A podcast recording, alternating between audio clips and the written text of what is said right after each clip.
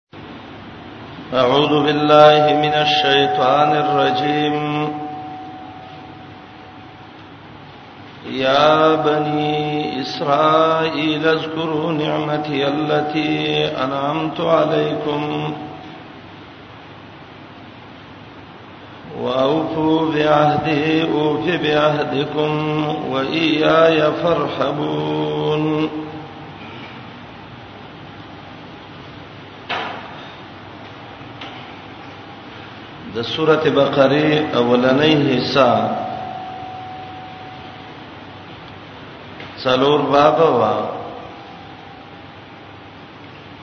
د مقام پورې دو بابونه د اولنۍ حصے ختم شو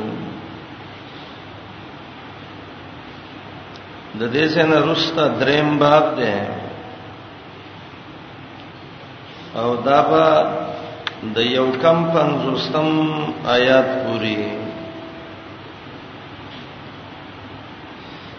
او په دې باب کې خطاب خاص ذکر کړي پس د خطاب عام نه عام خطاب مخکې بیان شو یا ایها الناس سرا وس خاص خطاب ذکر کړي یا بنی اسرائیل سره بنی اسرائیل ته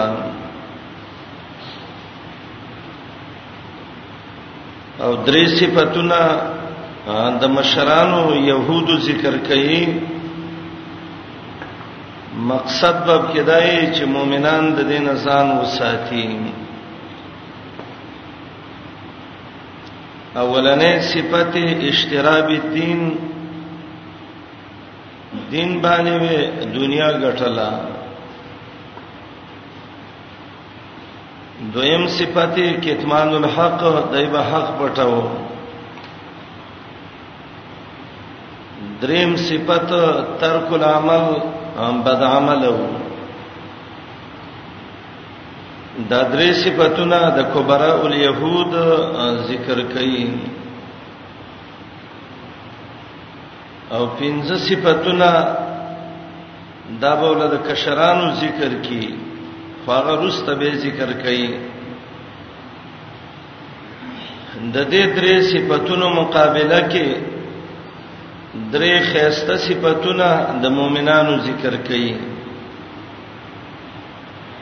استعانت بالصبر د الله نه د صبر باره کې مدد غوښتل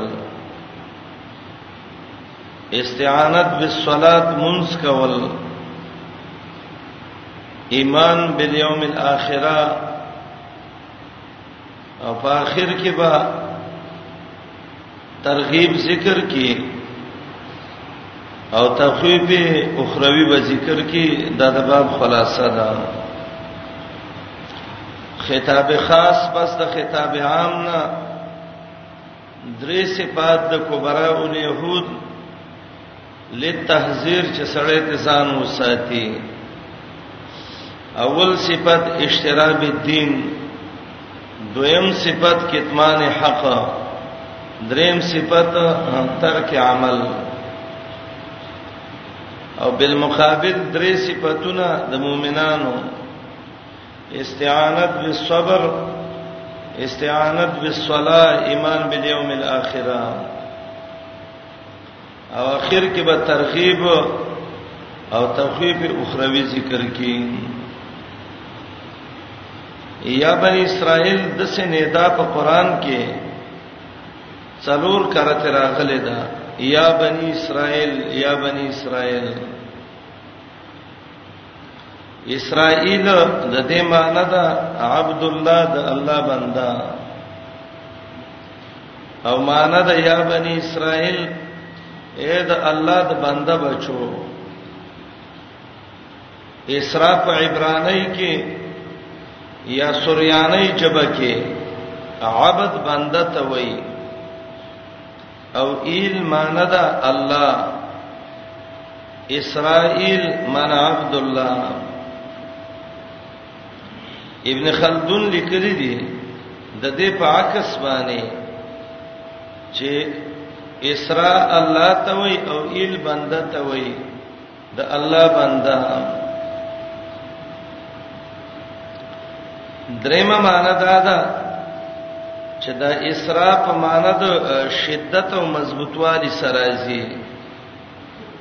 نو معنی دا شدت الله هغه سره چې الله کله کړو د الله په دین باندې سهیلی معنی کوي د اسرائیل معنی دا اسری ال الله معنی المهاجر ال الله هغه سره چې الله طرف ته هجرت کوي نور قولونم دې کې شته دي خو ابو حیان وایي چې هغه د سند له لحاظ ضعیف دي د دې ټولو وجوه نه دا معلومیږي چې اسرائیل د یعقوب علی السلام صفتی نومو ور الله د سیونه ویلې چې یا بنی یعقوب اے د یعقوب بچو ځکه علما وایي اسم صفتی کې ادب ده او باید چې یو څوک چاته نوم اخلي چې په ادب باندې واخلي دویم دا ده چې دې کې تاکید ده دغه دعوی د پاره دعوت سوا اعبدوا ربکم اسرائیل سمانا عبادت کوون کې د الله نو دا غداوی تاکید دی کې یا بنی اسرائیل بن اسرائیل اذکرو یاد کړي د ماده د اذکرو دواو یاسل قران ذکر کړي دا امام سیوطی الاتقان کې شل معنی د اذکرو ذکر کړي دي او د دې ذکر نه مراد ذکر به شکر مراد ده اذکرو شکر وباسئ زما د نعمت او دا نعمتي نعمت اسم جنس ده یو نعمت نه ډیر نعمتونه زما بنی اسرائیل د یعقوب علی السلام بچو شکر وباسئ د الله د هغه نعمتونو انعمت علیکم الله وای چې ما پتا سې کړی دي د ذکر د الله د نعمت څه پیدې دي چې الله وای د الله نعمت یاد کړئ نو د الله د نعمت د ذکر کولو کومې فائدې دي ابو حیان داغه تفسیر ده البحر المحیط اول جز او 219 کې وایي د ذکر د نعمتونو یو فائدہ ده دا چې دا باعث شي په دې باندې چې انسان د الله شکر گزار شي د رب نعمتونه یاد کړئ چې د الله شکر گزار شئ او دویمه وجه ذکر کړئ وای ذکر السالفه لیتمع فی الله کا ذکر السالفه لیتمع فی الله کا اذکر السالفه مخکینی نعمتونه یاد کړئ لیتما فی الله کا چې آینده نعمتونو کې به تم د انسان پیدا شي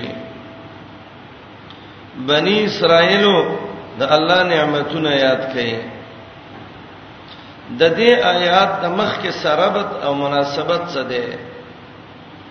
نو یو ربط خدا ده مخکې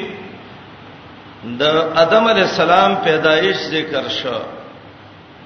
دلته اوس خاص د بنی اسرائیل پیدایش ذکر کړي مخکې خلقت ادم او بنی ادم دلته اوس بنی اسرائیل داغه خلقت او داغه دغه ذکر کوي تذکرہ دویم مخکې خلافت د آدم علی السلام چې الله آدم خلیفہ ک دلته خلافت بنی اسرائیل ذکر کړي بنی اسرائیل الله خلیفګان مقرر کړیو یا مخکې دعوتو يهودو ته دلته صریحي خطاب دی د يهودو سره دلته یو علمي نقطه یاد کړئ چې دا تاسو د قران کې ډیرو زینو کې فائدہ درکې دا څه وجه ده چې قران کریم کې بنی اسرائیل ډیر ذکر کیږي ورارځه کې وای یا بنی اسرائیلو یا بنی اسرائیلو یا بنی اسرائیلو کما فائدہ ده چې قران کریم کې الله تذکرہ د بنی اسرائیل وړي راکړي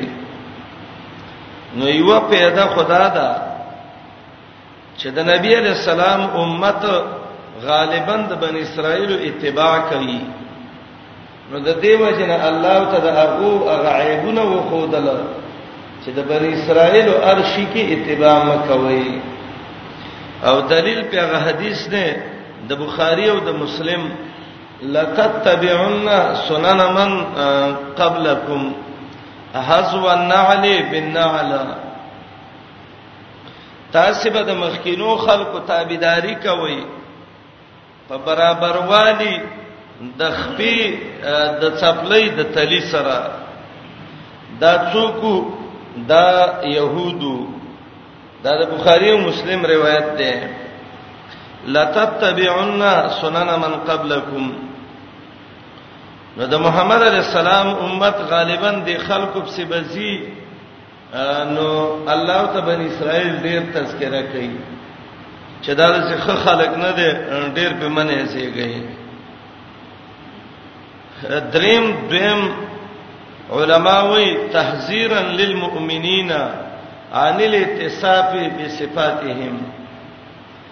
تحذيرا للمؤمنين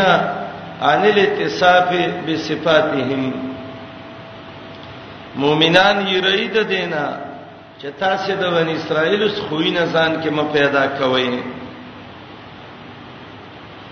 دریم د بنی اسرائیل تذکرہ کوي غرض پکې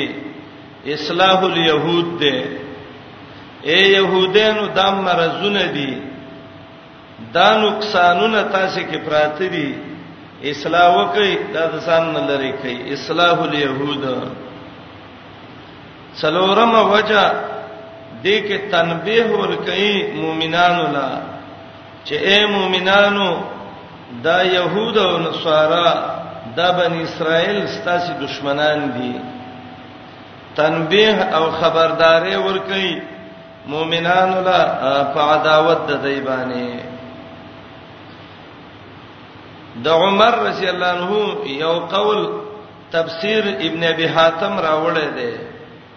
امام ابن منذرم ذکر کړی دی چې عمر رضی الله عنه یو ځل منبر باندې د آیاتونو ولستل او به ویلې قد مزا بنو اسرائیل بنی اسرائیل په خاطر شوی دی وانما يعنون یقینا قص کول شي په دې باندې او بعضو روایتو کې دا ده وما يعنى بها الا انتم په دې باندې قص کول نه شي مګر تاسو بنی اسرائیل په خاطر دي دا دې امت ته وای چې امت دې قانون نسان وساتئ قد مزا بنو اسرائیل وما یعنا بها الا انتم دې آیاتونو کې یا بنی اسرائیل سره نه اوامر د الله دی او پنځه نواهی دي چې رب ذکر کړی دي اوامر ګورئ اول امر اذکرو دویم امر اوفو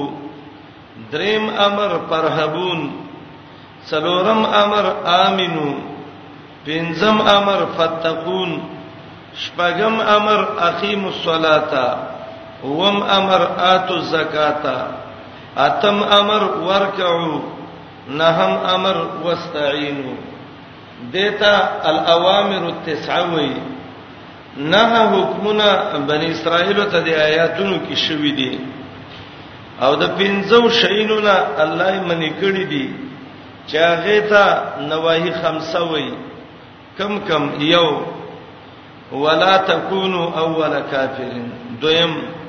ولا تشترو بیاات ثمنن قلیلا دریم ولا تلبسوا الحق څلورم ولا تکتموا الحق او ورپسې وطن سون انفسکم معنی ولا تنسون انفسکم ځانونه بنئ روي نو پنځه نواهی او نه اوامر د آیاتونو کې الله ذکر کړی دی امام ابن کثیر ذکر کوي غالبا د مقام کې امام ابن کثیر ذکر کړی دی چې ټول پیغمبران الله را لېګلیو دنیا ته نو دا په بنی اسرائیلو کې وو څومره پیغمبران چې دنیا ته راغلي دي نو دا بنی اسرائیلو کې وو او دا د حدیث مقصد هم دی کانت بنو اسرائیل تسوسهم الانبیاء د بنی اسرائیل سیاست با پیغمبرانو کو سیاست څه ته وای القیام علی شیء بما یصلحه امام نووي وای د یو شی انتظام په هغه څه چې اصلاح پر راځي دا د هغه وخت سیاست وو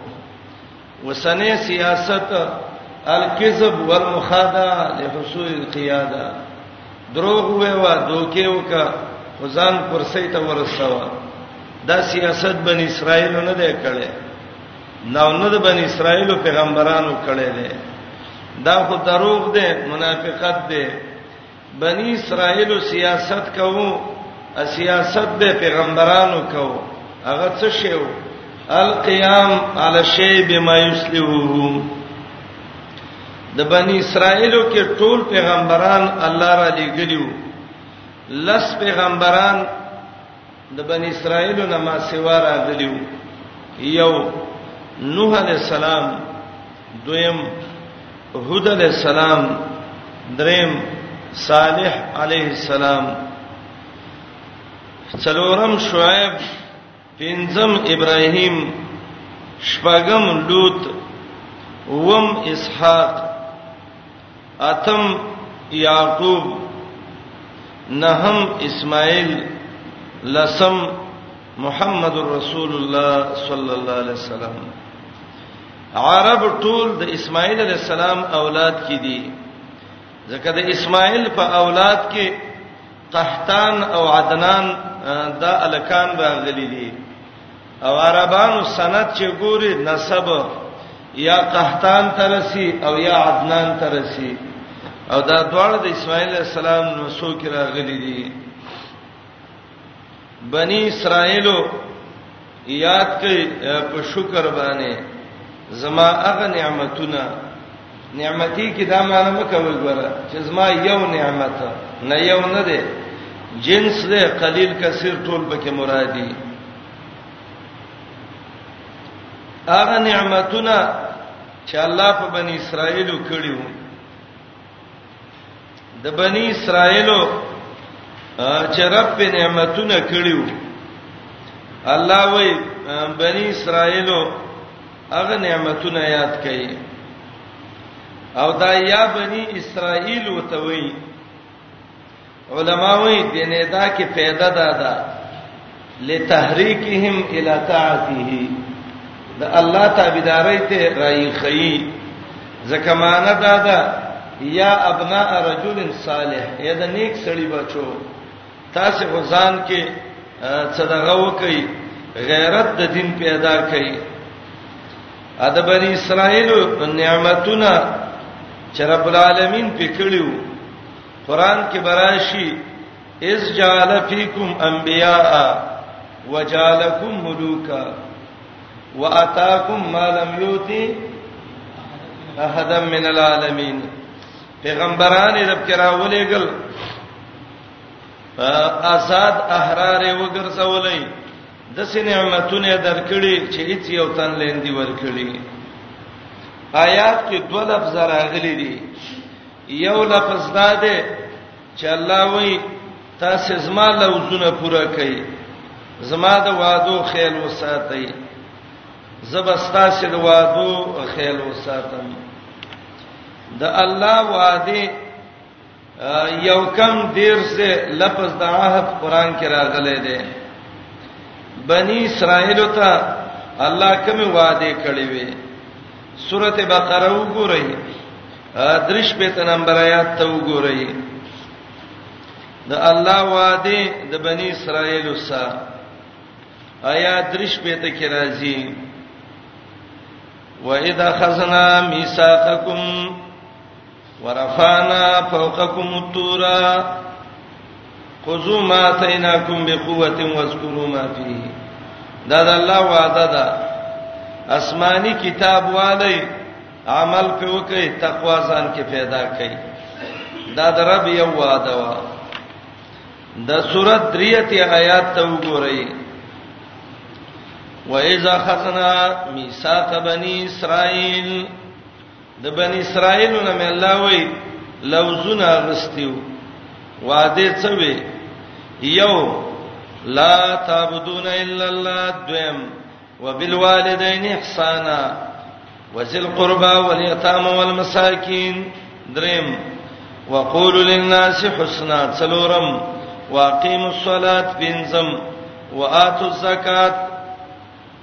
ورپسې لا تسفكون دماءکم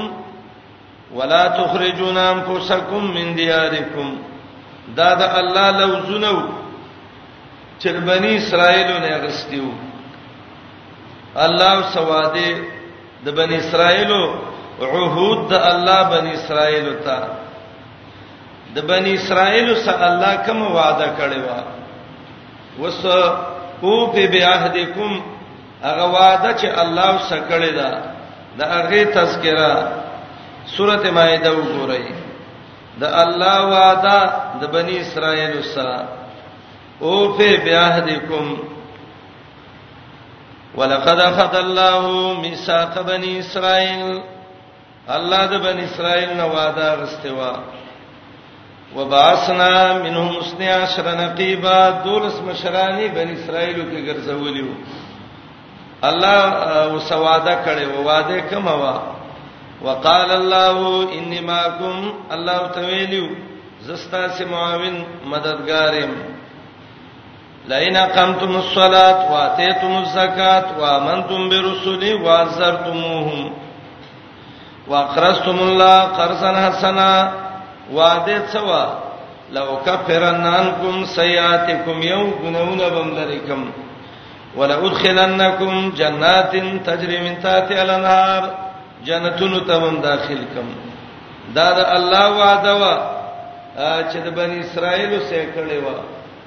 او د الله وعده لوزونه چې بن اسرائیل نه غستیو او په بیاهد او په بیاهد کوم رب وې زما وعده پورا کا زبد وعده پورا کم ګنا به درې کم جنت ته به ور ولم و ایای فرحبون رهب ماده قران ډیر ذکر کړی دا الله وای خاص زمانه وای ریګی دولس کرت قران درهب ماده ذکر کړی دا شپږو سیغو باندې قران کې دا ماده ذکر ده عربی کې څلور شی نه دي یو ته رهب وای دویم ته تقوا وای دریم ته خشیت وای او څلورم ته خوف وای څو شو څلور رهب تقوا خشیت او خوف بعض علما وایي دا الفاظ مترادف دي معنی ودا خو قول راجح دا ده چې دې کې لږ فرق شته هغه دا ده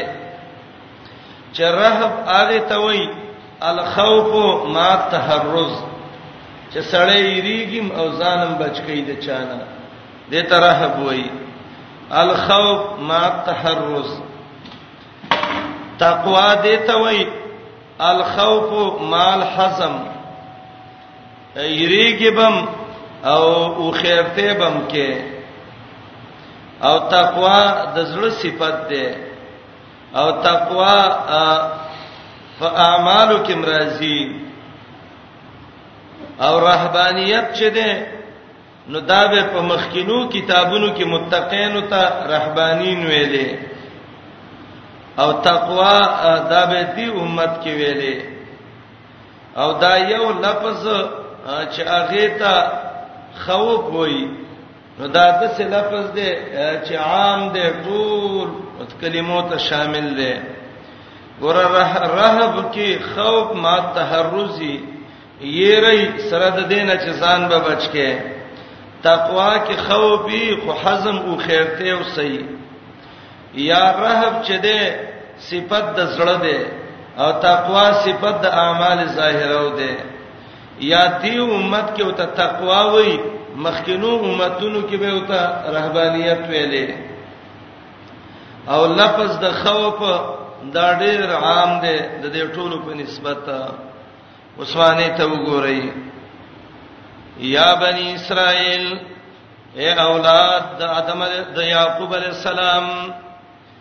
اے بچو د الله د بندا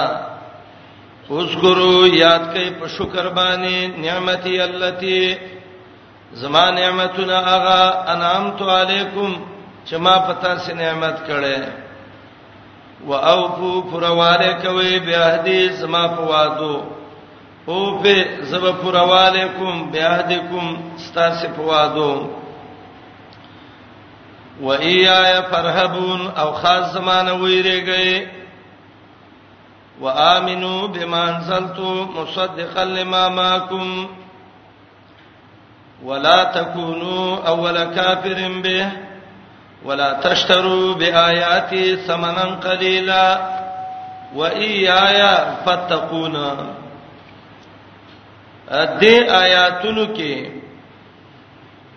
د آیات د مخ کې سره بته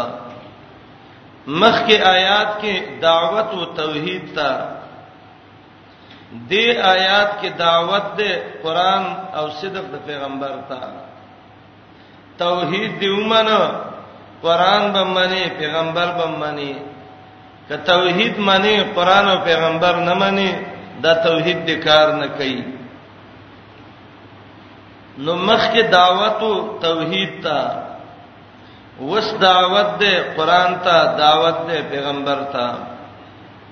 ایمان په هغه کتاب راوړی الله وای چې ما درلې غلې ده نو قران ومني نو چې په چا مې درلې غلې ده نو هغه نبی ومني موصوف په صفت د رسالت باندې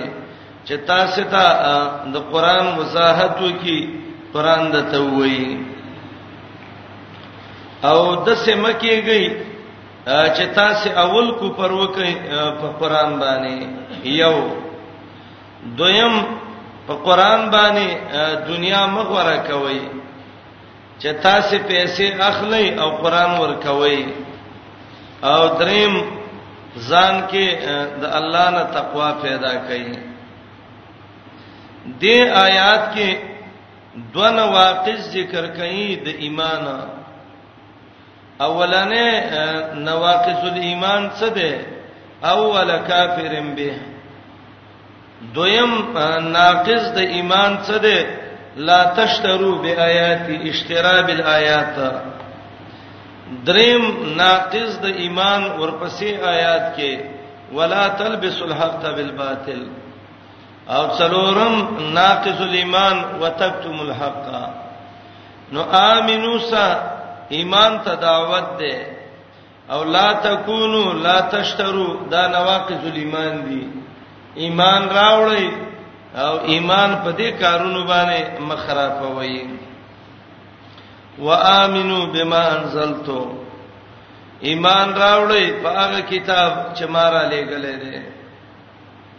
ور اولنې دعوت ایمان ته ورکو بالقران ځکه ایمان بالقران دا رسته ده د ایمان بالله نه یا ایها الناس اعبدوا ربکم سره دعوت ورکړو ایمان بالله ته نو دلته اوس دعوت ده ایمان بالقران ته د قران باندې ایمان راوړی دا قران ومنئ د دې قران قانون خپل قانون کوي ولا تکونو اول کافرن به مکیږي اولنې کفر کون کی په قران باندې دځه کې یو سوال راځي سوال دا دی چې بنی اسرائیل خو اولنی کافران نو په قران نو څنګه الله ته وی چې اول کافر مکیږي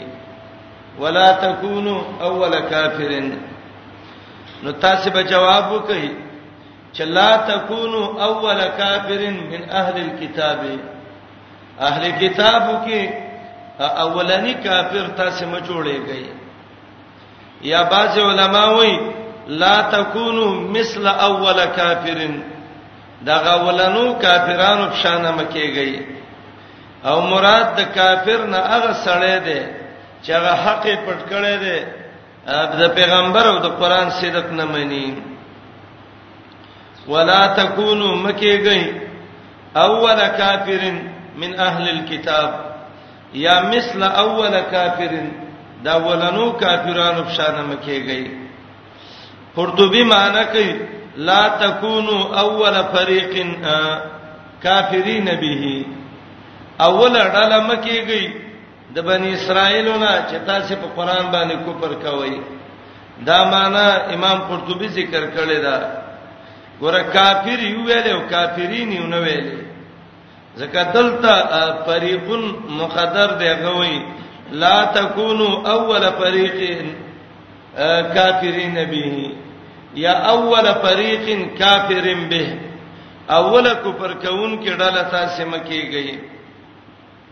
او د قران کفر داده په قران باندې چې د قران د الفاظو نه سړی انکار وکي د قران د مقصد نه سړی انکار وکي د قران په فیصلو راضی نه د قران کریم قانون خپل قانون نه غني د انګريز او د يهود او د نصراني قانون په قران غوړه غني او قران خپل د ایمان کتاب نه ګرځي دا ټول اسباب د کفر بل قران دي ولا تکونو اول کافرین به دا اولنې ناقص د ایمان دی چې کفر کول قران باندې دا ایمان د انسان ختمي په قران دویم ولا تشترو بیااتی ثمنن قلیلا اشترا مکوي الله و ازما په آیاتونو باندې دا د دنیا لګي پیسې السلام علیکم تعال کولو کې پخپلو دعا غانا کې حتا ته دلته یو سوال راځي چې باخو په بيوع کې په سمن داخليږي په مبيع خو نه داخليږي نو دلته څنګه په مبيع داخل شوی دا د اشترا سله کې چې بارا شکل رستا او دا با په څه شي داخل شوی نو هغه سمني هغه مبيع نه او دلته به آیاتی دا په سمن نه دي سمن خرسته دي دا په مبيع کې ځولې ده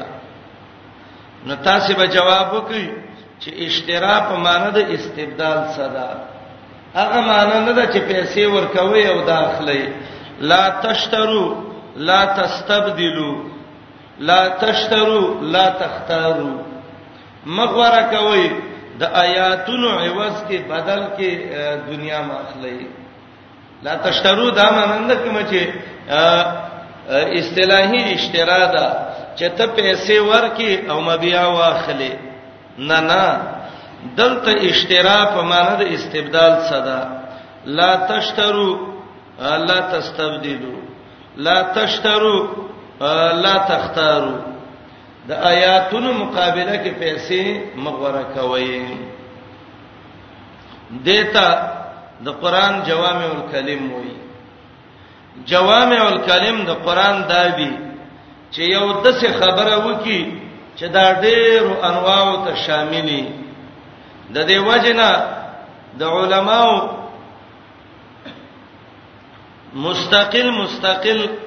بحثونه په دې لیکلي دي چې اشتراب الدین دا څه شی دی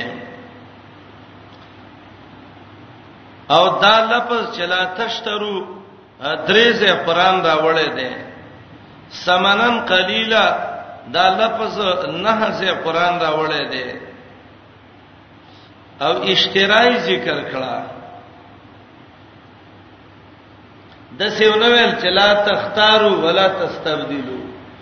د کې علما وایي تاکید دې پر ډیر قباحت د دای کې اے بنی اسرائیلو د یعقوب بچو تاسو ګور دون سلام وک چې قرانم خرج ک او تاسو په هغه باندې د دنیا پیسې واغستې سمن قلیل څه شی دی دا معنی نه ده چې ختمین وای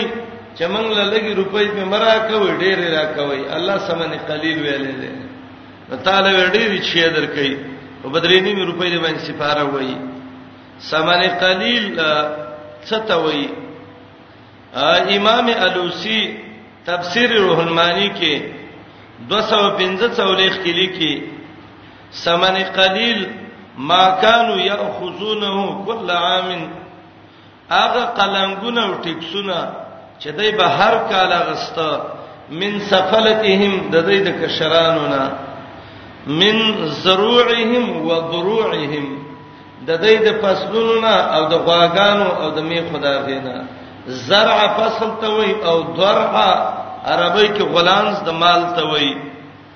هغه به غستل ونقودهم او روپۍ به ته غستې دای په قلم وو او دا به ویلې فرق خاص دې مرید لبسته ور کوي به خامخا څه به ور کوي سورته انعام کې براشي چې د دې په مالونو کې پوره پوره حصے وي دا به ویل هاذا لله وهذا لشرکائنا تعین به کو امام الوسی تفسیر روح المانی کې لیکي چې سمن قلیل هغه چې هر کال بدای د کشرانو ناغسته د فصلونو قلنګونه او د مالونو قلنګونه او د پیسو قلنګونه امام قرطبي لیکي چې سمن قلیل څه ده دنیا ده او د دنیا هغه زندگی ده او د دنیا هغه خوندونه او مزيدي مالې زما پایاتونو سمن قلیل مالې دنیا ما خلې او امام قرطبي د دې آیات دلان دي لیکي اول جز 340 دیرش کې چې ول آیت تتناول من فعل فعلهم آیات هر هغه چاته شامل دي چې هغه د يهودو د مرز پکې او په دین باندې پیسې اخلي باز دا وای یرا دغه ده دا لګي په مال ډېرې په والي نه ټوله دنیا دا کم ده ټول دنیا دا کما ده قران وګورئ سورته توبه وګورئ اته دیش آیات کې دنیا ټول کما ده نو سمانا دا دنیا په ماخلې آیات اخر ته وګورئ فما متاع الحیات الدنیا فی الاخرة الا قلیل نه د څکه د دنیا د آخرت مقابله کې مگر ډیره کمه ده دنیا خوري کما ده نو څه معنا مال دالګه دنیا یعنی دنیا بالکل ما اخلي سورته نساء وګورئ چې دنیا بالکل د اخرت مقابله کې کم ده نو لګي پیسې په مالي یعنی دا لګه دنیا په مالي غالبا واو یا نمبر آیات د سورته نساء آیات د منځ ته وګورئ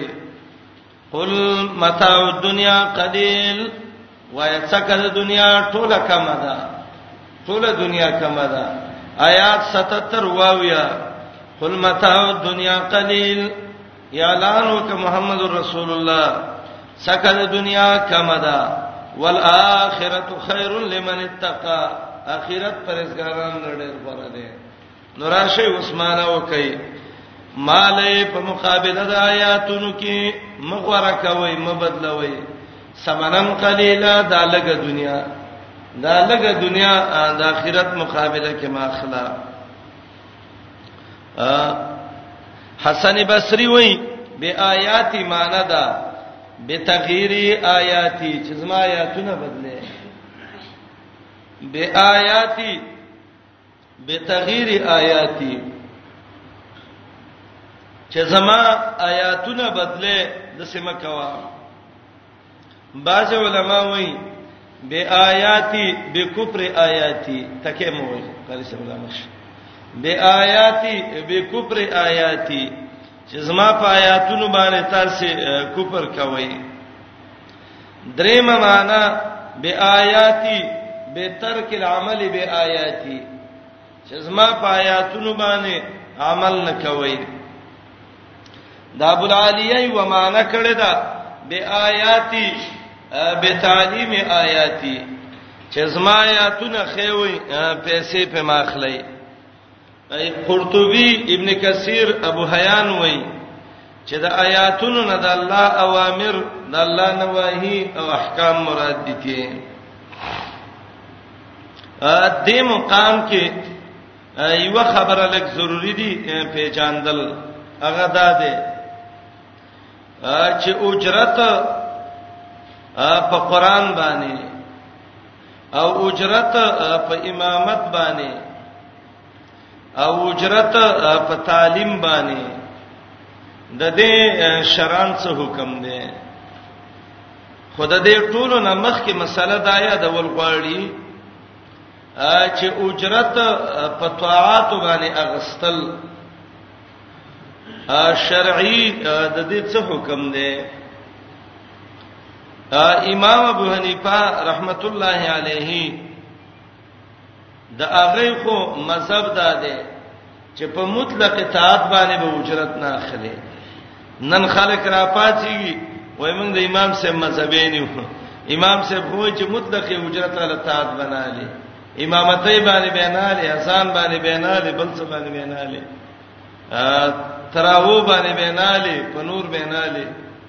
نو امام دی ولې پرې خدا خو امام خوخ دی پاغه ځای کې چې جبله سرازي او چې جبله ناراضي به د امام پروام نه کوي ښا ز اول د فقه حنفي د کتابونو عبارتونه وایم چې هغه وي اجرت به پتاعت نه اخلي او به ان شاء الله د مسلې حقیقت وایم چې کتاب او سنت کې مسله څنګه مجموعه الرسائل کې ابن عابدین شامی وای یو سل یو اتیا کې او یو سل وش پته کې وادخل الفقهاء اخذ الاجره على التلاوه في الاشتراء بالايات وای زمون فقه حنفی کې فقهاو دا ویل دي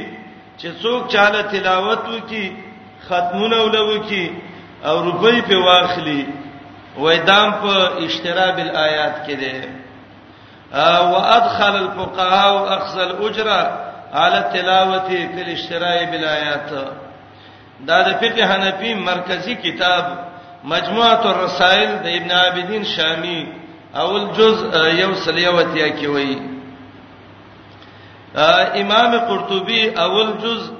او درې سوا او پنځه دیرش کې وایي قال ابو حنیفه تا امام ابو حنیفه سے ویلي یکره اخذ الاجره علی تعلیم القرآن وای چې قرآن چاته وې نو څه به نه اخلي او امام مالک شافعی احمد رحمهم الله دوی اندا سیدا امام الوسی چې حنفي عالم دی تفسیر روح المانی والا شپارسم جز 55 کې وایي لا تجوز قراءه القران للموتى بالاجره دا مړو ته چې په پیسو تلاوت کوي علمړی ته ختم وکا سورته یاسین وته وې پلانې وته وې او د ګینټو حسابي تبه د غنمو ترې شر لګې دی لا تجوز قراءه القران للموتى بالاجره دا امام الوسی ده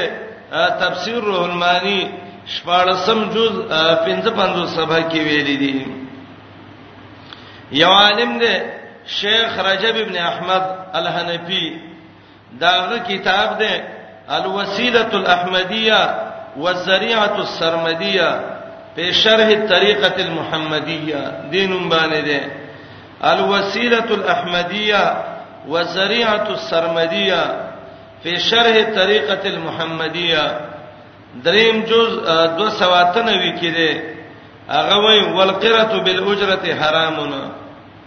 سړی دې بوته چې مال ختم وکا دون روپۍ بدر کم وای دا لوی حرام دی خ بعضی خلک یو دلیل ول ذکر کوي دلیل ول دا ذکر کوي چې قاری سے منګله ختم وکي او تلاوت را لوکي نو هغه هم نه غواړي خو مونږه چې په خپل تبول ورو دا وایي د څه کنه هغه غواړي نه هغه خسړې ده اپیس سے براغله او ختم یې وکړ هیڅ یو نه غوښتل خو زه خیر دې مونږ ول دا انسان دې ولور به کو شرح د طریقه محمدیه کې وایي څلورم جز 209 څولېخ کې عجیب خبره کړې ده ماشاءالله وای ولا معنا لسلت القاری د دې څه معنا ده نه والمعروف کل مشروطه کم شی چې عرف کې ده دا د سیده لکه شرط چې لګول شوی کته ول ورنه کې نو عرفن شرمای دی به والمعروف کل مشروط دا شرح د طریقې محمدیه کې څلورم جز 209 څولېخ کې د حنفي عالم وی رجب ابن احمد الحنفي شامی بعض خلک وی یاره من قاری صاحب سه احسان کو شامی وی پنځم جز و دیش کې ولا معنا لسله القاری د دې څه معنا لري چې قاری سه احسان کوم تاسو بل ورځ ولې نه کو خنن دې په تلاوت او کزکه ولکه او بیا هغه وای په 1514 کې وان القرات لشیء من الدنيا لا تجوز د دنیا د پاره تلاوت کول دا صحیح نه دی او بیا مجموعه الرسائل یوصل نه ویا کې وای واخذ شیء للقران لا يجوز قران باندې څاغستل دا جایز نه دی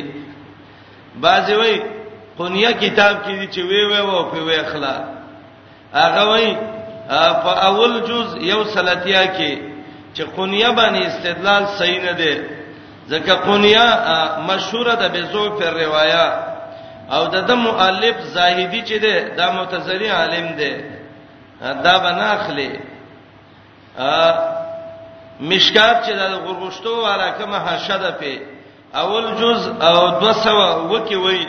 قران دی ولس پیسې بنا لپی میاته مسائل کې شای اسحاق یو سل نه کې وای نه بیلې مبسوط څلورم جز یو سل نه 50 کې وای نه به اخلي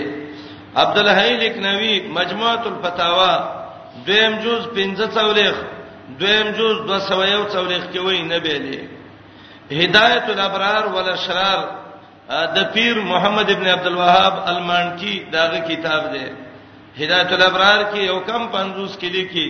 چاله د قران او ختمونه دی وکړه پیسې بنا اخلي شامی دویم جز وڅولېخ کې وای نه به اخلي مفتی رشید احمد غنگوهی فتاوا رشیدیه درس او درش کې وای چې مړو ته تلاوتونه کې او یا ختمونه کې پیسې به پنالې فتوازیزیه اول جز اتمه پنځلسمه صبح کې وای نه به اخلي تجهیز الجنایز یوصل شپک کې وای نه به اخلي صدر الدین ابن ابي العز حنفي شراقیده الطهاویہ 200 شپږه ته کې وای چاله د قران ولست ثبت نه اخلي احکام الشریعه اوله حصہ درش پته کې وای انوار ساتعه یو سل وکي وای الجوهر النیرا اول جز او 203 ویا کې وای دارنګي روح المانی آیات د سورته کهف لاندې فتو العزیز دویم 208 کې کتاب الزهد د عبد الله بن مبارک 1508 کې مصنف د عبد الرزاق 301 تهذیب التهذیب اول جز په ترجمه د اسماعیل ابن علیه کې چې هغه 222 کې داغه ترجمه کې دا لیکلي دي چې هغه کله هغه پیسې اغستې وي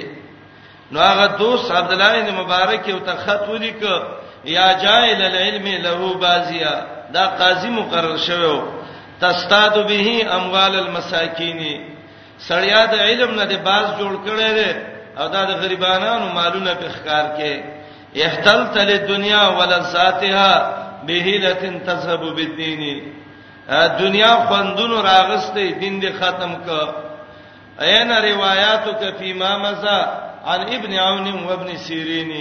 تا چې د ابن عون او د ابن سیرین نه روایت ویلې چې د بادشاهانو دلبار له څوک ورغه نو سړی فتنه کې واقع کیږي ارویتونه دي شو او اخر کې وتلی کې اسماعیل ابن علیا د سیاو سته استاد دی خو دارالقضا ته ورغلو او په دین باندې به اجرتونه غستل عبد الله بن مبارک خط وتولی کو امام ابن حجر تهذیب او تهذیب کې په ترجمه د اسماعیل ابن الیه کې را نقل کړی دی او اخر کې وتوی فإن قلت وكرهت فزاباتل زل حمار العلم في التين کته وای چې زه دوه کښم زور را باندې وشه دا څه عذر دی وجلې به وکنه نه نه خر ویو کتابونه د باندې بار کړیو خټه کې خوښ وي راو غورځې دي ذل حمار العلم فی الدین ا ضرب دی وی یاره وی مونږه امام صاحب منو تراشه امام صاحب ومنه نو ته دې به د چانه په امامتینو اجرتونه واخلې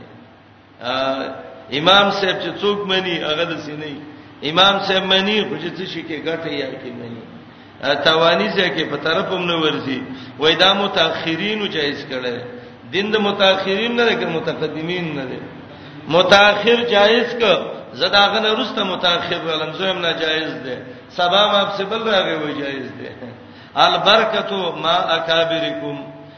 د متقدمینو دین دی د متأخرین به څه یو دغه به دین څه ښه تصویب بدعتو اجماع د اهل علم وا اتل لسکال امام مالک جمعه ته نو راوته چې جمعه کې اعلان شوی ایماندار جمع ولاړ راځي او شروخای والا راغه وای واستحسنه المتاخر متاخر وتخویل دي بد کوي چې خوته وي صحابي دې پستر ګړون دې عبد الله ابن عمر دې رضی الله عنه چا تصویب وک وای اخرجوا بنا من هذا المبتدع دې بدعتي د خوانه وی وباسي یو ځل ځان شوی دا به چې وی چې جمع ولاړ دا ورځي کتاب ولیکل متأخر جایز کړي دي دا مسله ده احناف وی صحیح مسله د باب کې دا ده طاعت دوه قسمه دي یو د طاعت محضه دی باندې اجرت اغستل حرام دي لکه څنګه چې امام ابو حنیفه رحمۃ اللہ علیہ ویلي طاعات محضا د باندې اجرت غستل حرام دي مثلا ما ته ته ویلې مولوی صاحب دغه وکړه لکه سبق را ته ویو او تاره ته 100 روپۍ براکې ما ته ته ویلې پلاني لګي امامتي را لو کوم زو کزه خیر ده په جمع به مونږ کو او ته چې زبر د امام شم او تاسو په پنځه به مقتدیان شي او څه براله راکې دا بيخي د څه ته پوس چې سړی کوي دا صحیح نه دا اجرت علی الطاعات المحضه ما درته ویلې پلاني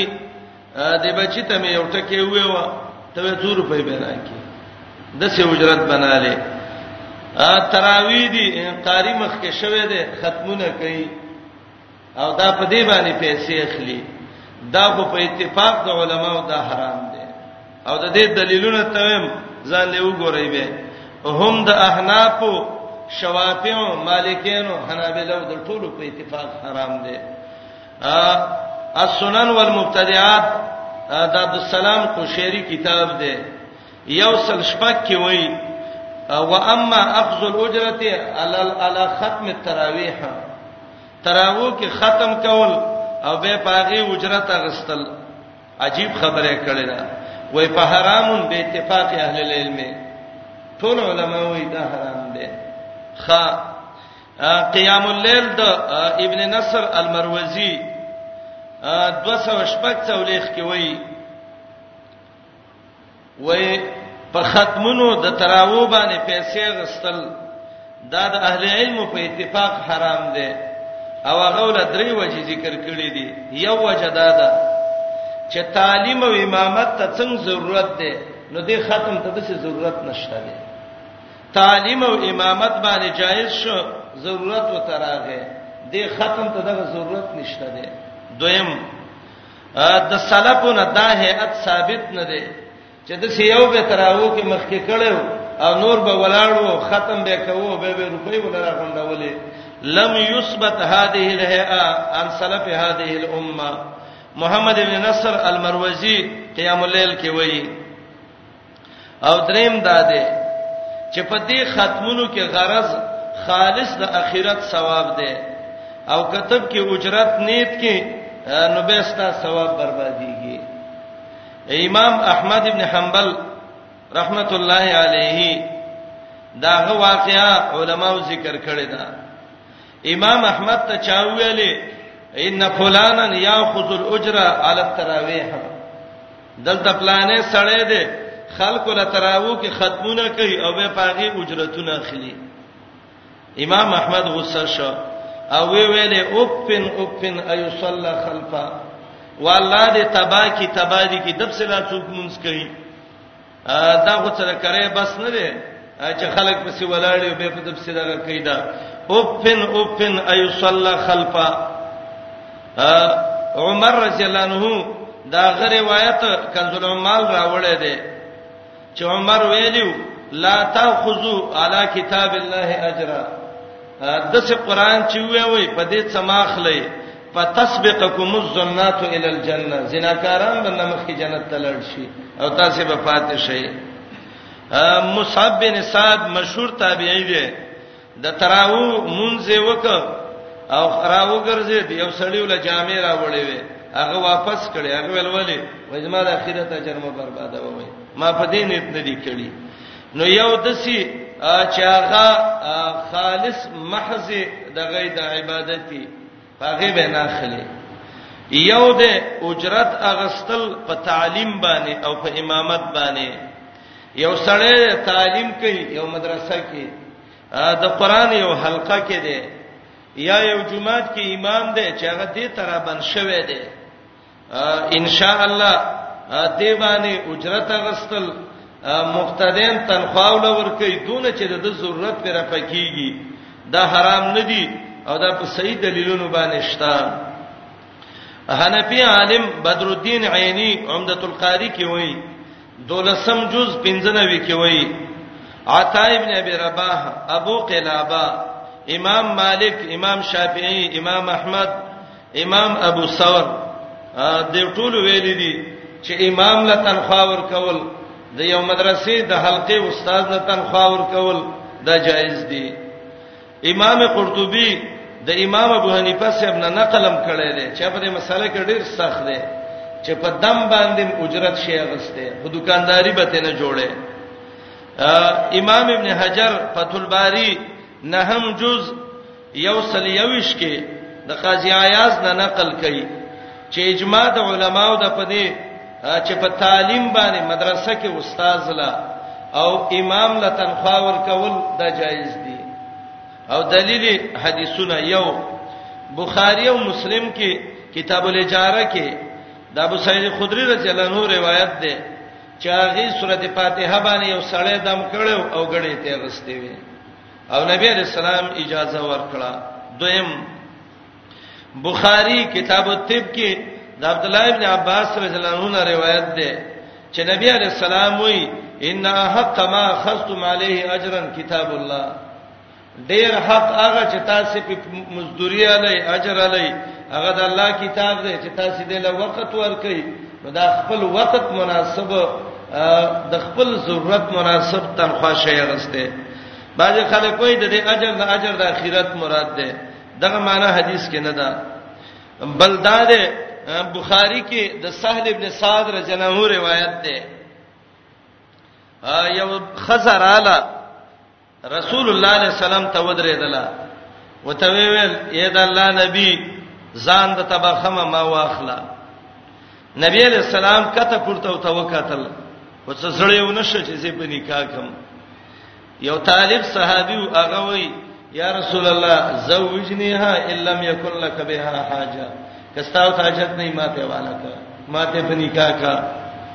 نبی علیہ السلام ته ویل اتب پیسې راوړي او دغه بکیدا مہر براوړي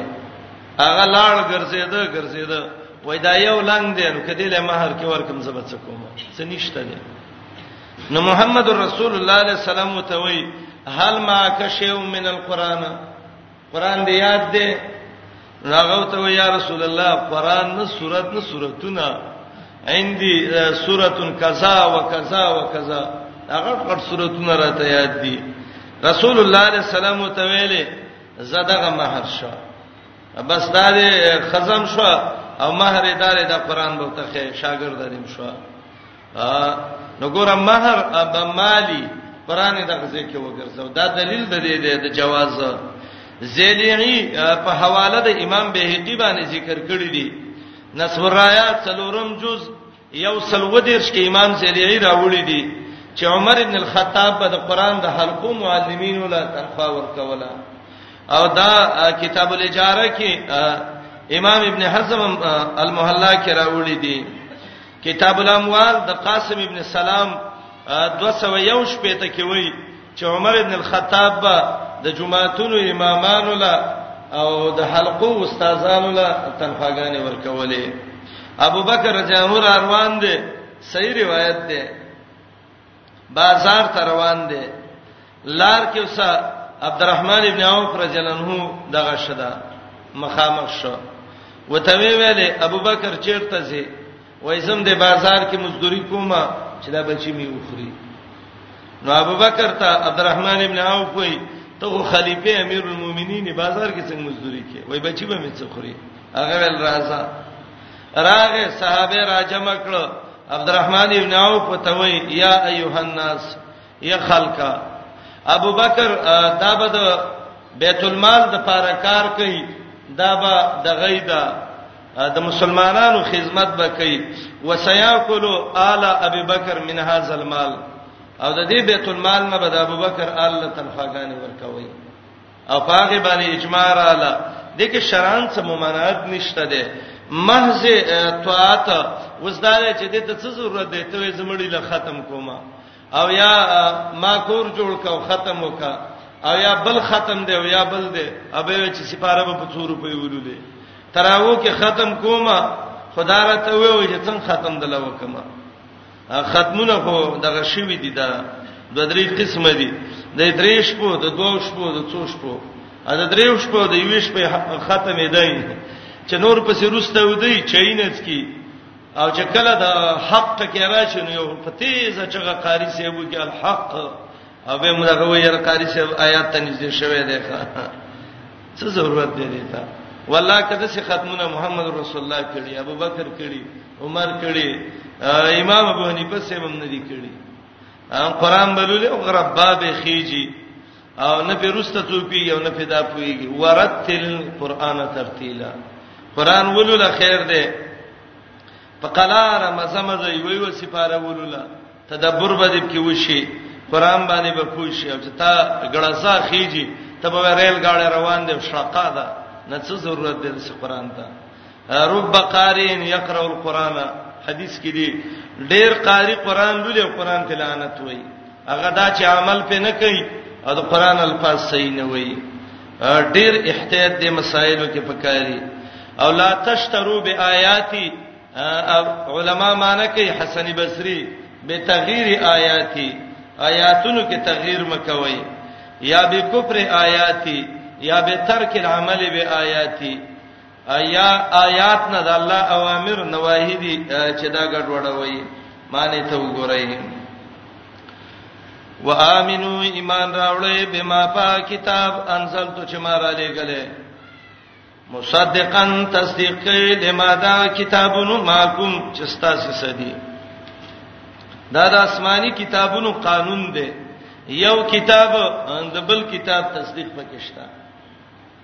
اکثر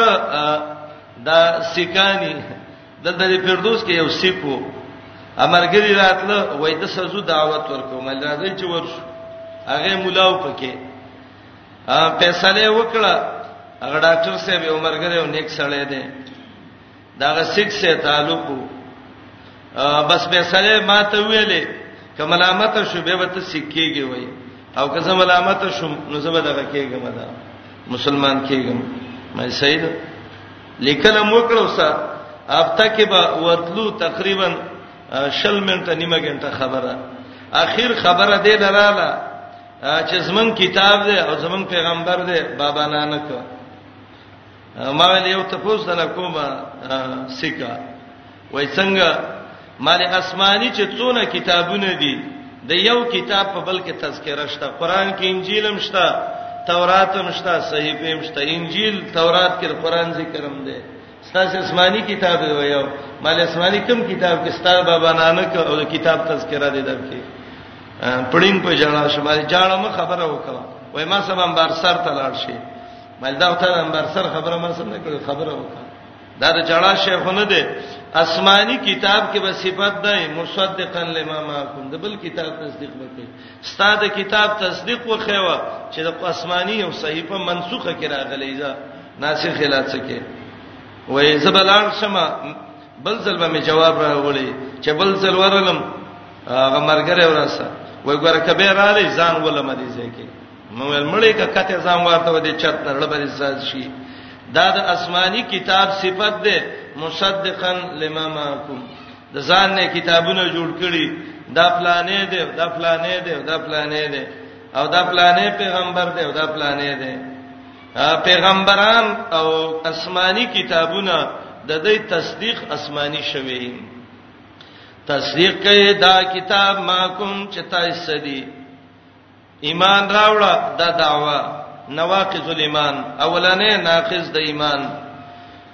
مکه گئے اولړلا کفر کوونکې په دې قران د اهل کتابونه یا مکه گئے په شان دا ول کافرو په دې باندې ولا تشترو مبدلوي یا مغوره کوي بیااتی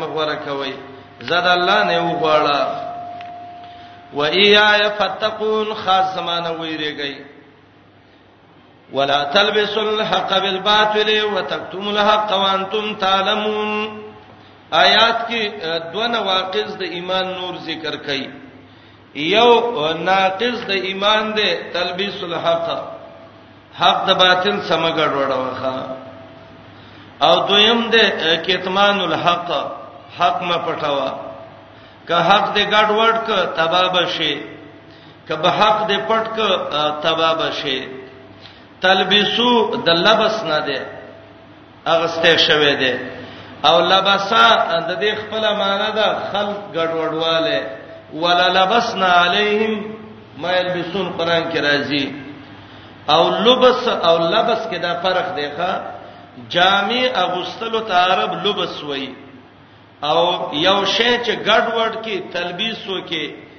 نو دیتا لبس وای ولا تلبس الحق لبس د حق مکوي حق مګډ وډوي د باطل سره دی خلکو به د حق تلبیس کو او دا مختلفه طریقې د تلبیس د حق وي کله به کې یو لفظ زید کا کله به یو حرف قریب المخرج د بل حرف سره بدل کا کله به د خواهش مطابق یو د څه لفظ راوړ چې ځان لبه په بس خپل داوی ثابتولې دلیل بنو شاه عبد العزيز سیوی پتو العزيز کې چې د لفظ دا طریقه مو چې لیل اللسان به کو جبه به کګرا کګا کړه صحیح خبره به نه کوله کتمان د حق به کوو خلق به گمراه کول محمد رسول الله علیه السلام ویلو هغه سړی چې هغه حق پټ کی الله به ته قیامت کې د ور واګي خلیته ور واچي واګي خلق څه تا چي اس او قچره ته الله به ته اس او قچره جوړه کی واګي به تور چری د ور راکاږي به هغه عالم چې هغه دین باندې اعتراضونه کوي او دا غلې ناشتي دا الله نبی علی السلام وي د تبع عالم نه وي وي شیطان نخرس دا ګونګې شیطان دی هغه خلک چې هغه حق پټي محمد رسول الله علیه السلام وي دا خلک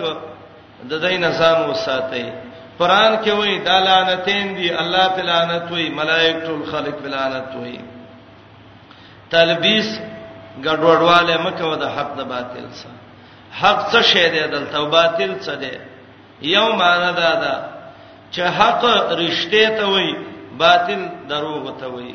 ولې دروغ او رښتې ګډوډې رښتې ته رښتې وای دروغ ته دروغ وای الحق الصدق والباطل الكذب دویم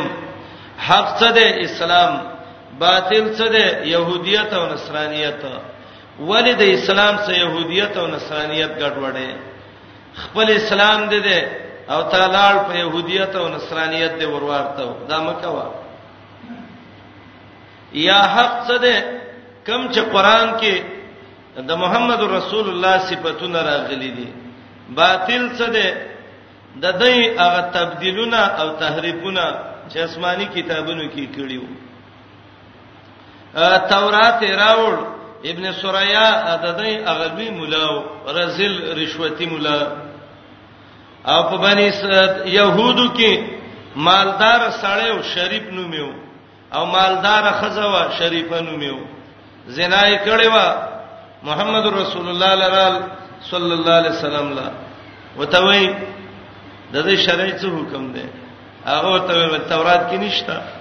چې راجم دې هغه ویلنا وای ورشه تورات راوړی تورات چې راوړ د دینه مخ کې نبی عليه السلام وته ویلو د زناکار څه حکم دی نو دې مولانو يهودانو د حق او باطل ګډوډ کړي وای که غریب سړی زنا وکړه په ګټو یې ولې کلمې ولې وباسه مړې کوي دغه راجم دی او کمالدار وکړه نو په خر باندې سور کوي او دا مخ ولا تور کوي او بازار کې وګرځوي دا د دې سزا و خر باندې سورېدل پیغمبري سنت دی عبد الله ابن عباس وې چې نبی اسلام څخه په خر سورما رسول الله علیه السلام په خر سورو خزه امزان سکینه وړي و وصفیه مرده په صفیه رجنات سرستانه استوا نو خربانه سوال دی وکړه دا څه دغه خونه دی دا ګناه خونه ده پیغمبري سنت تازه کړه او مخ ولا وای تور کوي نو که مخ تورې دل تاوانې ني د بازارونو کې څونه مصرې نه د مخونه توري خلکو له څونه خدل کوي او بازار کې چکر وای نو دای ګټه وکړه که تاوانې وکړه چکرې مو مخیم تور شو خلک وای د دې مصری به کم ځای کې ورکشابې چې دا راغی او چکرې مو نه نه دا د سینه ده پکار دا د سیدا ده چې دا مخ ولا تور کوي او دا خره په ولو سور کوي او بار یو باسه او ډانګیو ته ونی سه او مړی کوي دا څه علاج دی بغټي ولې نه تغییر او تبديل کړو ابن سوریا چې راغه تورات راوړ او دا د دې د ستور مولا وخه ډیر چاپو یو سند دغه دا دغه خو یو سټکوره و نو چیرې ور د رسول بده سکول مخ کې روسته به ویو د رجم پایات به ګوته کې خدا نبی رسول الله سره خو زو د سینه ده به ویو وای د سینه ده عبد الله ابن سلام ناسو رضی الله عنه د تورات حافظ مو دا لاس یو لوو و ارفع یدک عدو الله دا الله دشمن الله سوچت کا د اکثر به هغه حق باندې ګوتی کیدی چې زیاده راشي عبد الله ابن سلام وی فیزا آیت الرجم تلوه دا د رجم آیات د سپړقې ده ښا دا نه ده نو ابن سوریه ته ویلې دا ده کنه وای دا څه ده وای تورات ده وای تورات په موسی علی السلام الله نه دی را لېګلې نو هغه به جذبه کې شو نو وی ویلې ما انزل الله علی بشر من شی الله اس نه دی را لېګلې دا سری موسی هم دروغ وی دي درته سم دروغ وی وای دا تلبیس د حق مې د باطل سکو او دویم دا وته وی ویلې تورات معنی وای او وای تورات کې نه دي چې ان الله یبغض الحبر السمین دا ستاب شانه څورب الله دښمنی کوي بس هغه غصه شوی تورات به کې چاره وسته ده دا هم موسی د ځان نه څه دروغ ویل دي ما انزل الله علی بشر من شیء ولا تلبسوا الحق بالباطل مګړ وړوي حق د باطل سره حق باطل سره مګړ ولې ګډوډې بدعت سنت د مصطفی سره مخبلګوي سبا محشر کې مجتبی سره د محمد رسول الله مخله به ورځي ولې د پیغمبر طریقې د بدعت سره ګډوډې ښه او باسي وای حق د نبی علی السلام بعثت ده او باطل د دغه خبره ده چې دا ویل النبي لا يكون الا منا پیغمبر بزمن د جنس نه یي مګر وړوي حق د باطل سا وتکتم الحق دام د لام د لاندې دي مپټوي حق وانتم تعلمون او تاسو خپويږئ په عذاب د کتمان باندې یا تاسو خپويږئ په حق باندې دای د زید قباحت د وجنویو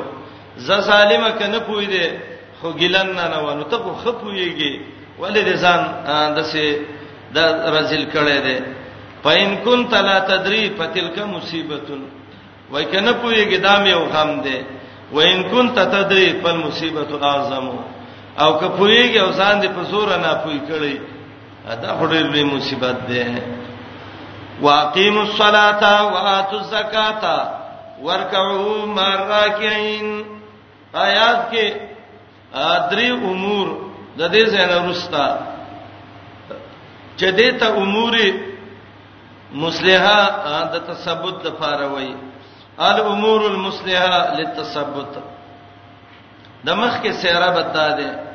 مخ کې اوامر د ایمان ذکر کا ایمان راوړی تقوا ځان کې پیدا کړي رهب یې رسان کې پیدا کړي وس اسباب ذکر کړي د کمال د ایمان ایمان باندې په څه پوره کیږي منځ وکا ایمان باندې په څه پوره کیږي زکات ورکا ایمان باندې په څه پوره کیږي څوک چې الله ته رکوع کوي دا غسه رکوګانې وکا دیتا اسباب مکمله للایمان وې مونږ پابندي کول د وخت خیال وساته د شرایطو درڅ بقره اول کې د مونږ تذکرہ شوې ده واتو زکاتا درې دیر سه قران کې د الله فزرا غلې ده زکات ورکا د عقیدی تزکیه وکا مشرک م جوړېګا ځان موحد کا او واتو زکات زکات ورکا لکه څنګه چې بدن کې د الله حق دی منځ وکا د مال کې د الله حق دی زکات ورکا امام بخاری صاحب په کتاب قتال المرتدین کې واقعیا د جهاد د ابوبکر پر ذکر کړی دا بنو حنیفه عربو کې یو قبيله و هغه ول زکات ورکو خو بیت المال لنه ورکو ابوبکر وس جهاد اعلان کړ او وی ویل قسم په الله اقیم الصلاه د الله حکم دی اتو زکات چې ته څوک جدا کوي والله چې سره وامه پرې دمه نه او عبد الله ابن عباس رضی الله عنه به ویلې دا یو څو ضروری حکمونه دي یو پاره کې دا دی چې الله دې یو بل نه جدا کوي درې حکمونه دي یو اقیم الصلاه و اتو زکات د سینې کېږي چې مونږ کې او زکات نه ورکې زکات ورکې مونږ نه کې دویم اطیع الله و اطیع الرسول الله معنی رسول نه معنی دا چری کې دی نشي رسول نه رسول معنی الله نه معنی او دریم انشکر لی ولوالدیک چې د الله شکر وباسي او د پلار او مور نه وباسي یا د پلار او مور شکر گزارې او د الله نه دا درې امور یو د بل نه جدا کیږي ابو بکر رضی الله عنه ویلو قسم په الله یا به د خپل څټ تورو کې ټوټه ټوټه کم او یا بنو حنیفه چې پړې په زکات کې محمد رسول الله له ورکړې او هغه براوړي د ګړې بچي ورکړې او هغه براوړي واتو زکات زکات ورکړي ورکاو مار راکعين درکو ماده دیار لسه قران راوړې ده په وو طریقو باندې رکو وکي سره د رکو کوونکو نه یا ذکر د رکو ذکر د جز مراد ته کول دي رکو وکي ټول دین وکي او مار راکعين د هغه خلکو سه وکي چې هغه رکو کوي الله رب العالمین ته نو تاسم الله ته رکو وکي ذکر د رکو او مراد ته ټول منځه او رکوع زکه دغه کړه خاص کړه چې بنی اسرائیل رکوع ختمه کړي و بس اس سر به کته کو سی بدلل مریم ته الله وای مریم درب تابع شه ورکعي الله ترکو کا او حدیث کې هغه انسان چې مونږ کوي رکوع کې ملا نه ټیټي باز رکوع ته لاړ شي به سیده سګیدې ته رواني تبوي پر غړندې کې خکتر غړي دیتا محمد رسول الله سارق الصلات ویل د مونږ غل یو د جب غلی یو د مونږ غلی دا د مونږ غل دی رکوع نه سجده نه ټک ټک نه مونږی ښا نه نه دا د چر ټونګي حدیث کې دې ته تلک صلات المنافق ویل شوی دا خو د منافق منځ دی بنی اسرائیل رکوع ختمه کړي وا صحابي راغې منځ وکړه رسول الله علیه السلام ته به منځ کوم دین دې کړي دریم ځل وای قسم په الله بل را ته صحیح مون نه دی معلوم وای رکوع سیدا قیام قرات صحیح ارڅ په ځای باندې کوا حدیث د مسلسلات بخاری به به ذکر کړی دی رکوع کوي سره در رکوع کوونکو نه او ما ای ویلي دي کې اشاره ده ته ده رکوع کې منځ کې ځان له مکه او مار راکې ان په جمع وکا علماء دلیل نیولې په دې آیات چې د جمع منځ فرض ده ځکه الله وای ورکو رکوع وکي خو مار راکې عین دا هغه چا سبه کوي چې رکوع کوي الله تعالی منځو کې سره د منځ کوونکو نه یا رکوع په معنا د خضوع او عاجزۍ سره عاجزي وکي الله ته سره د خلقونه چې الله ته عاجزي کوي پابندي د منځو کې ورکه زکاتونه ورکو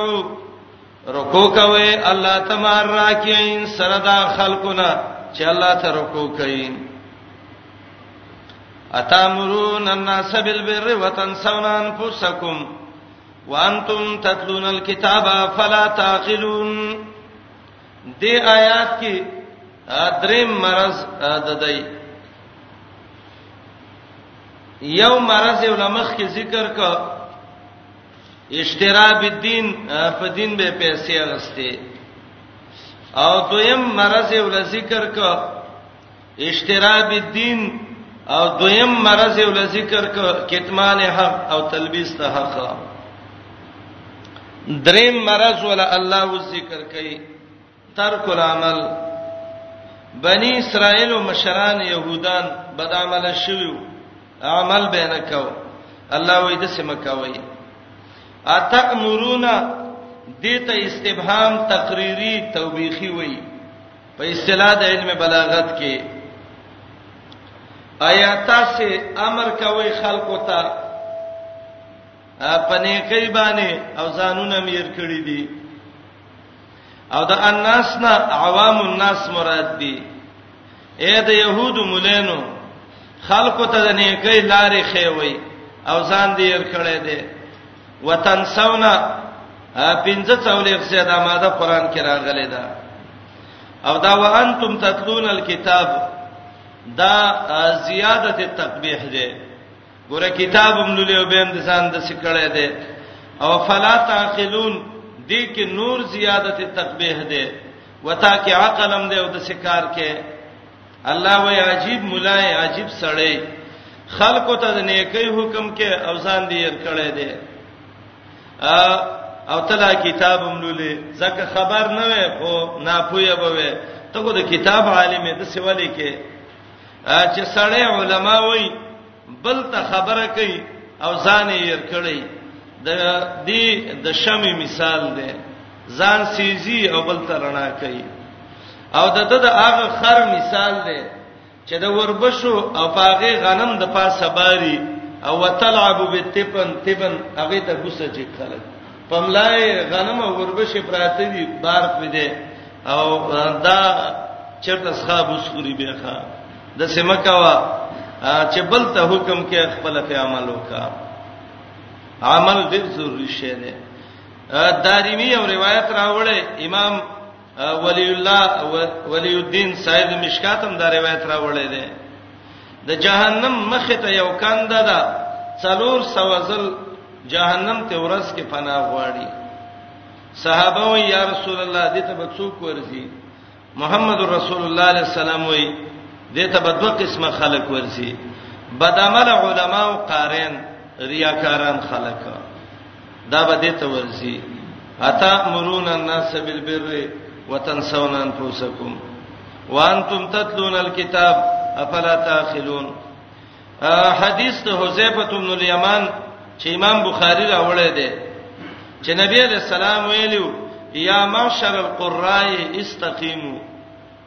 لقد سبقتم سبقا بعیدا اے د قران قارین او طالبان او علماو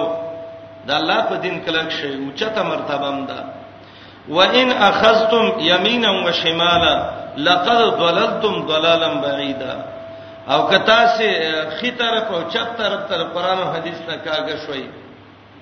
والله د سر گمراهان به وي ښا عالم چې بد عمل شي الله سخت بدی شي انعام سورته اعراف کې وایي د بدعمل انسان مثال د سپی دی ښا ان تحمل عليه يلحس او تتركه يلحس جمعه کې وای د بنی اسرائیل علماو خې کتابونه ویلو خو بدعملو د خرو مثال دی نو خر باندې د گاډۍ کې کتابونه سای ستا متفسرونه چلی دي قران او بخاری دی ول په سری خیدا خلک نه وای چې شیخ القرآن والحدیث راغی شیخ الاسلام نه لار ورکړي خرچ ارزه لبوزي ولا که شیخ الاسلام وته وای خلکو ته خر وای عالم چې بد عمل ای کار څونه کتابونه وای لیکن الله وای فمثله کمثل الحمار او د خر سره تشبیه ورکړه د میری وای خر د لارې منځ کې ودرېږي عالم چې بد عمل شي د حق منځ کې ودرېږي خلاف کوي خر الله دې د بد عمل علماو نه موږ وساتي او الله د علماو بارکه وای واضله الله على علم علم مو گمراه شو ولی په علم عمل نکاو او قران کې الله د دې په باره کې وای بد عمل علما او طالبان الله وای او عوام ټول عمومي قانون د الله دی کله نام د غواو میخو ډنګرو چرپیانو مثال دی الله دې زمون عملی چمبخ کی اتامرون الناس بالبر وخلق ته پنه کوي باندې حکم کوي وتنسون انفسکم او ځان دې ير کړی دی خلق ته وي چې د سار جمع کې دونه ثواب دی او مولوی صاحب د نور خطو سمونځ کې خلق ته وي د پیغمبر طریقو کې دونه پیدا ده او به ته خلاف کې د بیر ماده اته سه قران راوړی ده او علما وایي دا یتناول کل خیر هر خیر تبر شامل دی او دا د يهودو مولینو دای په دسه چل کاو چا چې به ته پټ ته پوسوک چې محمد رسول الله څنګه دی وای به صحیح دی چې مخامخ به شو وای به دا خوش سړی دی یو درې روایت د ځکه ذکر کوم د آیات په تفسیر کې امام بخاری یو حدیث راوړی دی په بابو اذا اسلم الصبی کې بابن اذا اسلم الصبی د باب کې امام بخاری یو روایت راوړی دی نبی علیہ السلام یو يهودي لورغه چې دا غزوی بیمارو د يهودي ته دعوت ورکا او د دې زوی بیمارو مرز موت شروع او دا پلار يهودي ملام نو دې زوی د پلار ته وکتلې چې دا سړی څنګه سړی دی نو دا دغه او ته وای دا پلار او ته وای بنیا اطیع ابو القاسم بخاری دا روایت راوړی بچیا د ابو القاسم د محمد رسول الله خبره ومنه نو ما شوم ویلې اشهد ان لا اله الا الله ایمان راوړ نبی علیہ السلام ویلې الحمدلله الذي انقذه من النار اغه الله الحمد دې چې زما په وجه الله د جهنم نه وساته دا ګورې دې روایت تا ازوی بیمار دی پلار وته وای نبی علیہ السلام دعوت ورکړي